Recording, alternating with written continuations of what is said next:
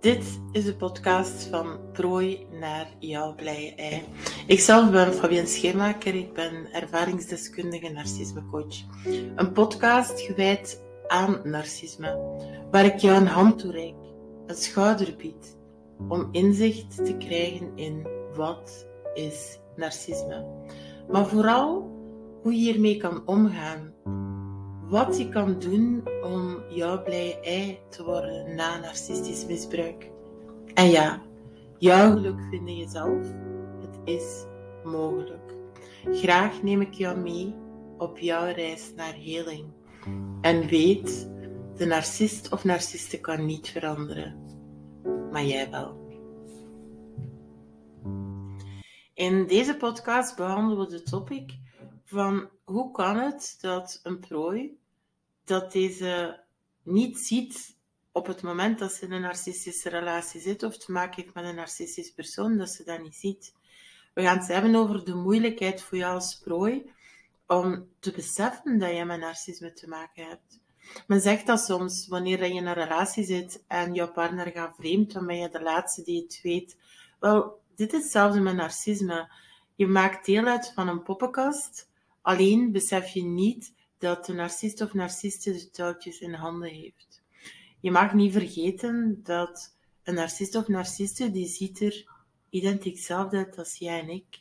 Vaak hebben die een succesvolle job en worden die geprezen door de buitenwereld. Of hebben ze een mooi huis, een mooie auto, een mooi gezin, mooie kinderen. Het kan jouw lieve buurman of jouw lieve buurvrouw zijn. Het kan de acteur of actrice zijn.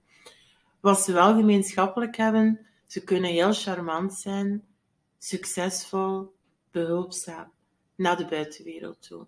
Of beter gezegd, ze spelen de ideale rol. Ze zijn, ze, spelen, ze zijn eigenlijk de perfecte acteurs in de rol die hun het meeste oplevert.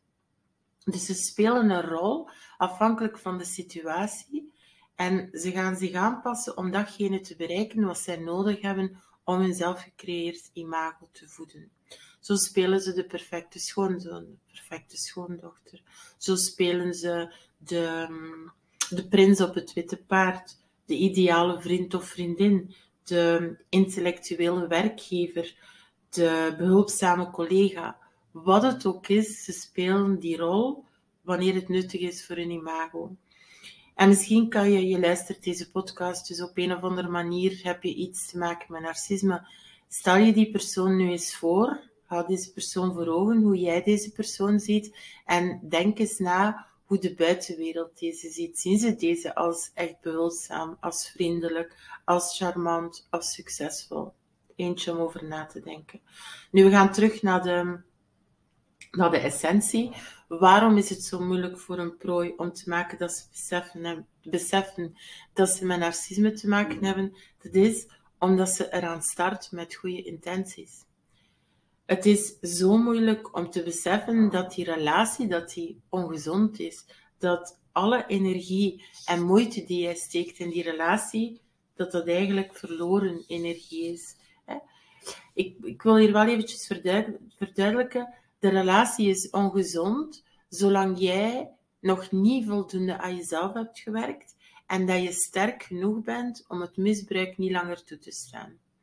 Het grote struikelblok, en ik bedoel hiermee voor de prooi, wanneer ze niet beseffen dat ze in een toxische omgeving zitten, dan gaan ze vaak de signalen van hun lichaam, zowel lichamelijk als psychisch, want je krijgt dus effectief signalen, die gaan, gaan ze negeren. Ik ga hier zo meteen nog dieper op ingaan. Ik kan jou een hele cursus geven over narcisme, maar wanneer jij onder de valse liefde terug van een narcist of narciste zit, dan wil je het gewoon vaak niet zien. En dit is echt niet beschuldigend bedoeld hoor, verre van. Alleen ben jij dan zodanig gemanipuleerd op het moment. Hoe, hoe vaak hoor je niet dat ehm, een moeder bijvoorbeeld tegen haar dochter zegt van kindje, die man waar je mee bezig bent, die is echt helemaal, die is helemaal niet goed voor jou. En die dochter die luistert voor geen meter. Dit is omdat zij op dat moment zodanig gemanipuleerd wordt. De meeste prooien die zoeken de oorzaak bij zichzelf. In een andere podcast ga ik uitleggen hoe moeilijk het is wanneer je als prooi effectief ziet dat de persoon een narcist of narcist is, maar de buitenwereld het niet ziet. In deze podcast gaat er effectief over van jij zit midden in een relatie of je komt uit een relatie en je beseft van oei, ik heb dit niet gezien. Ik vergelijk narcistisch misbruik vaak, vaak met een teek. Je, jij kiest de teek niet uit. De teek kiest jou. Tijdens een boswandeling spot de teek instinctief, niet intuïtief, maar instinctief, welke prooi hij of zij gaan nemen om hem of haar te voorzien van voeding. En die teek die komt ongevraagd op jou zitten en die zuigt jou ongemerkt helemaal leeg, zodanig dat jij zieker en zieker en zieker wordt. En waarom? Omdat het enige belangrijke voor die teek is, het enige wat die teek wil, is jouw bloed. Lees narcistische voeding. De teek die komt ongevraagd op jou zitten en die probeert jou ongemerkt helemaal leeg te zuigen. Als beloning krijg jij dan nog eens gif ingespoten, waardoor jij je slechter en slechter voelt worden. En de teek steeds groter, groter en sterker. Jij bent op dat moment verslaafd aan de valse liefde terug van de narcist of narciste. Je kan het zien als jij komt net terug van een hele mooie, leuke, fantastische boswandeling. Je kan je niet voorstellen dat tijdens dat moment een teken op jou is komen zitten. Je beseft niet waarom jij jou zo voelt naderhand. Waarom voel jij jou leeg? Waarom zit jij constant op jouw grens van kunnen? Je voelt intuïtief wel aan dat er iets niet goed zit, maar je kan er je hand niet op leggen. Als toemaat, wanneer jij dus het teken ontdekt en verwijdert, dan kan je nadien nog steeds heel ziek worden.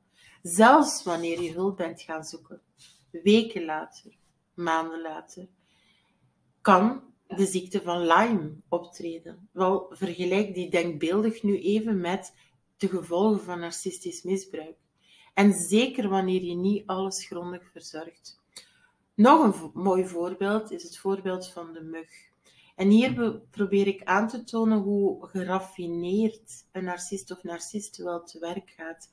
En waarom prooien het vaak niet zien. Iedereen heeft wel al eens een muggenbeet gehad, toch? Als jij gaat vertellen aan jouw beste vriendin dat jij een paar muggenbeten hebt, wel, zo'n drama is dat nu niet. Leven met een narcist of narciste, dat is leven met een mug die jou niet één keer prikt per dag, maar die jou meerdere keren prikt per dag, dagelijks, wekelijks, maandelijks, soms jaren aan een stuk. En wanneer het voor jou te erg begint te worden, hè, wanneer het risico bestaat dat je zou zeggen van dit is niet meer normaal, dan houdt de mug even op. Totdat je een beetje hersteld bent en dan begint het weer helemaal opnieuw. Het komt zo ver, het is eigenlijk gekmakend, maar het komt zo ver dat je bijna dankbaar bent dat je eens geen muggenbeet hebt. Ik herhaal dat nog even. Hè. Je bent bijna dankbaar wanneer je eens geen muggenbeten hebt. Je leeft bijna constant in angst, bijna paranoia. Je hoopt dat er geen mug zal zijn in de slaapkamer. Je, je slaapt amper, want je wil, je wil het opmerken wanneer de mug aanwezig is. Wel, dit is leven met narcisme. Je gaat niet gaan klagen bij iemand voor een paar muggenbeten. En jeukt die beet soms? Ja, tuurlijk. Doet die zwelling pijn? Tuurlijk. Alleen, je raakt eraan gewoon. En dan denk je, ja, andere mensen die worden ook geprikt, dus waarom zou ik er dan gaan over klagen? En dit verklaart waarom prooien van narcisten um, de oorzaak van het probleem niet zien, maar alleen maar de gevolgen. En vaak denken, vaak zichzelf zien als de oorzaak. En dan gaan ze excuses gaan bedenken van, oh ja, mijn man of mijn collega of mijn baas is een moeilijk mens. Of ja, um, mijn, mijn vriend of vriendin slechte dagen, alleen veel slechte dagen, maar is geen makkelijke. Het gevolg is dat je steeds denkt dat het aan jou ligt. Aan jouw bloed. Dat jij zelf de oorzaak bent. Waar ging ik het nog over hebben? Hè? Ehm, ja, dit is dus vaak een reden waarom mensen in narcistische relaties blijven. Ze worden misbruikt in die mate dat het afgestemd wordt op het misbruik die jij aan kan. Zolang jij van nut bent. Het misbruik, denk dus aan het gif van de teken, dat sluipt zo geniepig jouw, jouw lichaam binnen, zonder dat je dat eigenlijk echt merkt. En als je het merkt, is het bij narcistisch misbruik vaak te laat. Door hun snel handelen tijdens de lovebombing fase, komt nog een podcast over lovebombing fase, don't worry, dan zit je al verstrikt in het web. Vaak is het zo, je bent snel getrouwd, je hebt snel kinderen samen, je hebt snel een zaak samen, je gaat snel samenwonen, je gaat snel op reis, je hebt snel een hond samen. Je hebt snel promotie op het werk. dus het gaat over iets waardoor jij vasthangt aan de narcist of narciste. En zolang de narcist of narcist je manipulatietechnieken op jou kan botvieren, op jou als prooi, hè, en dat zij jou onder controle hebben, ja, dat is het belangrijkste voor hen allemaal. Zolang jij maar jouw nut bewijst, zolang, lees hier in het geval van de teek, zolang jij hen maar voorziet van bloed, dan is alles oké. En dit is ook de reden waarom ehm, je met een narcist of narcist ook een hele mooie tijd kan beleven. Nu, wat is bloed dan precies voor de narcist of narciste? Dat kan jouw bewondering zijn, jouw empathie, dat kan um, jouw liefde zijn, dat kan jouw geld zijn, dat kan jouw status zijn. Het draait helemaal niet om wat jij nodig hebt, wat jij wenst, maar het draait om wat jij kan leveren. En het gif, dat dumpen ze maar bij jou. En dit merk je vaak bij prooien van narcisten. Hè? Het gif, dat kan je zien als um, die mensen raken hun job kwijt, zitten financieel aan de grond, hebben imagoschade geleden, worden zowel fysisch als psychisch ziek, families worden uit elkaar gerukt, kinderen worden gemanipuleerd. Ja, en ik kan zo wel nog eventjes doorgaan. Laat ons dit alles toch niet onderschatten. Kom terug op de vraag van vandaag. Ik geef dit voorbeeld om duidelijk te maken hoe moeilijk het is voor jou als prooi om te zien wat dat er aan de basis ligt. Aan de basis ligt narcistisch misbruik. En in het geval van de tekenbeet, hè, dan krijg je ineens koorts of spierpijn. De teek die wordt niet opgemerkt, dus je weet gewoon niet wat de oorzaak is. Dan ga je vervolgens naar de arts, want oké, die spierpijn, dat mat je af. De arts die stelt vast van oké, spierpijn, die zou waarschijnlijk wel een griepje kunnen hebben, dus je gaat weer naar huis. Het is een griepje waar je tegenaan loopt. Een paar maanden later ontstaan er huidklachten. Opnieuw ga je naar de arts en dit zou wel eens kunnen wijzen op een, een allergie. Ja, je vertelt dan de mensen in jouw omgeving over jouw allergie, tenminste, sorry. En ja, daar hoor je van, daar hoef je jou niet druk over te maken. Dat heb ik ook al gehad. Merk je dat bij elk symptoom, elk gevolg die jij ervaart van de teek, waarmee ik dus bedoel narcist of narciste, merk je dat jij de enige bent die hier aan werkt. Merk je dat jij de enige bent die oplossingen gaat zoeken, die naar een arts gaat, die, um, die raad vraagt aan omstanders en steeds denk je dat je aan de basis ligt. Omdat jij als prooi, ook al is het onbewust, er eigenlijk zelf van overtuigd bent dat jij aan de basis ligt. Nu, we gaan verder in het verhaal van de teek. Iets verderop krijg je hartklachten. Hè? En weer door het vergif van de teek. En dan krijg je te horen van ja, je zou het beter iets rustiger aan doen, je maakt je veel te druk over de dingen. Wie blijkt voor jouw omgeving en jezelf het probleem te zijn? Jij. Vervolgens krijg je te maken met zenuwklachten, hè, gevolge van, van het gif van de teek. Um, je zou volgens jouw omgeving dus kunnen te maken hebben met depressie Opnieuw moet je aan jezelf werken. En de teek die blijft ondertussen rustig verder, verder teren op jouw bloed. En die wordt steeds sterker en sterker en sterker en groter en groter en groter. Vooral nu deze opmerkt dat jij minder weerstand biedt. Jij wordt zowel lichamelijk als psychisch zieker, zieker, zieker en zieker. En dit is hoe het eraan toe gaat in narcistische relaties. Jij zoekt oplossingen. Je werkt aan jezelf. Je houdt je sterk. Je vraagt raad aan anderen. Alleen beginnen er op een bepaald moment vraagtekens bij jou te reizen. Vraagtekens van, wat is er toch mis met mij? Waarom voel ik mij zo? Wat kan ik doen om mij beter te voelen? Waarom kan ik het niet oplossen? Je kan je zelfs afvragen, hmm, ben ik niet gek aan het worden? en hier merk ik het belang van hulpverlening op. Mensen die stilstaan en weten wat dat narcisme is. En ik hoop dat het voorbeeld van de tik jou duidelijk maakt dat je zonder de juiste diagnose, stukje per stukje per stukje, zowel emotioneel als fysisch, wordt stuk gemaakt. We gaan nog een stapje verder. De take wordt opgemerkt. En wat dan? Wel, dan ga je op zoek, hè? Dan ga je opzoekwerk doen. Je gaat zoeken van, ja, hoe kan ik de take best verwijderen? Dus moet ik draaien? Moet ik naar links draaien? Moet ik naar rechts draaien? Of moet ik juist niet draaien? Ah ja, wacht. Misschien kan ik een take-tang kopen. Wanneer de take te groot geworden is, dan kan je raad gaan vragen aan iemand. Kan je naar een arts gaan om jouw take te verwijderen. Maar ditmaal kijk je niet constant naar de symptomen, maar kijk je wel naar de basis. Ga je de basis aanpakken. En dit is wat ik bedoel met de juiste persoon op de juiste plaats. Ik ga nog verder gaan. Het is niet omdat de teek verwijderd is dat je daarom niet de ziekte van Lyme kan krijgen nadien.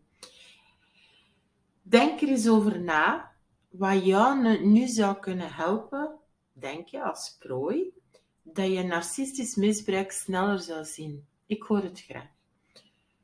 Mijn inziens je mag de video ook pauzeren als je daar eventjes over nadenken. Nu, ten eerste, wat mij betreft, ik denk dat mensen in jouw omgeving jou een helikopterview moeten bieden, zodat jij dingen van op, van op een afstand kan bekijken. Je denkt aan een hoge toren. Hè. Wanneer dat jij midden in die toren zit, dan lijkt die toren hoog en groot. Hoe verder jij van de toren weggaat, hoe smaller en kleiner hij wordt. Hoe meer overzicht je krijgt op de dingen.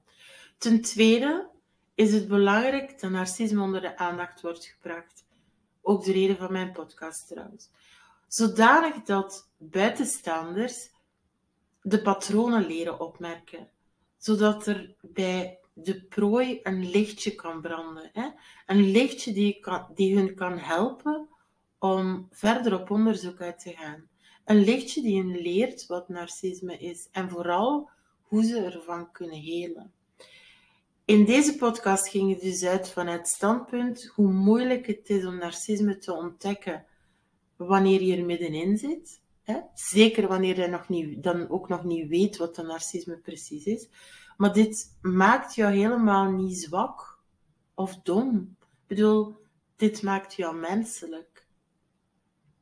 Als jij de volgende keer gaat wandelen in het bos en je wilt jou behoeden voor een volgende teek, wat ga je dan doen? Oh, dan ga je lange kledij aantrekken of je gaat een, uh, een anti-teek spray gebruiken. De teek in het bos, die is er dan wel nog. Alleen heeft deze geen zin meer, omdat de kans en de moeite die je erin moet steken om te slagen, ja, die is kleiner geworden. En zo is dit ook met narcistisch misbruik. Om niet opnieuw in een toxische relatie terecht te komen, is het belangrijk dat je gaat werken aan jezelf.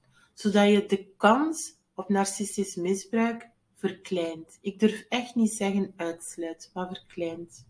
Geen enkel mens is het waard om misbruikt te worden. Goed, weer een, een, een een leuke podcast om te doen. Goed, ik sluit deze podcast af en weet, de narcist of narciste kan niet veranderen. Maar jij wel.